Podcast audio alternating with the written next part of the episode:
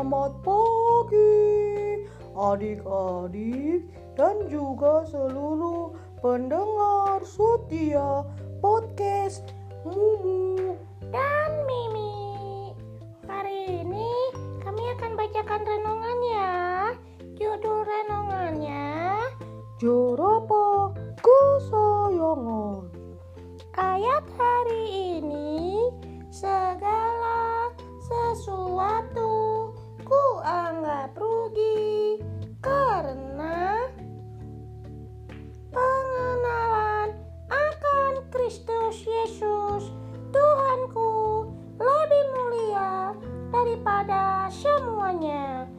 oleh karena dialah aku telah melepaskan semuanya itu dan menganggapnya sampah supaya aku memperoleh Kristus.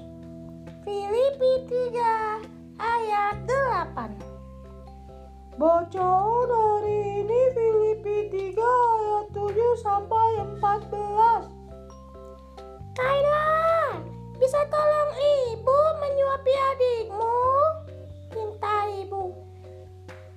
Tentu saja, sahut Kayla. Ia mengangkat adiknya Kaleb yang baru berusia dua tahun. Lalu ia mendudukkan Kaleb di kursi bayi dan memasangkan sabuk pengamannya. Tiba-tiba Kaleb meraung. Ibu, kenapa Kaleb menangis? Kayla was-was Kaleb menangis semakin kencang. Dia menyodorkan mainan kerincingan, buku bayi, dan truk pemadam kebakaran plastik kepada adiknya yang menangis menjerit-jerit.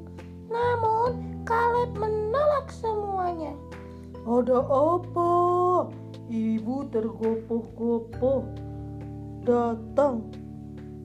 Begitu melihat ibu, Kaleb berseru, "Rapah, rapah!"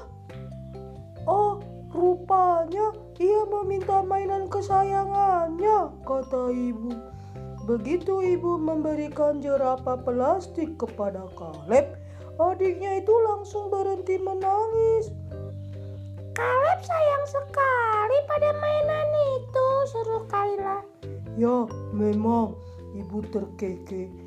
Kamu tahu, tingkah Kaleb itu mengingatkan ibu pada perkataan Paulus di Filipi 3 ayat 8. Segala sesuatu kuanggap rugi karena pengenalan akan Kristus Yesus. Tuhanku lebih mulia daripada semuanya.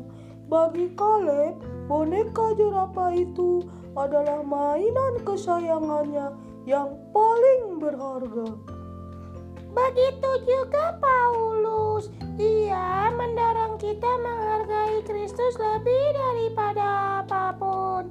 Itu berarti kita mau berusaha mengenal Kristus setiap hari lewat doa dan membaca Alkitab.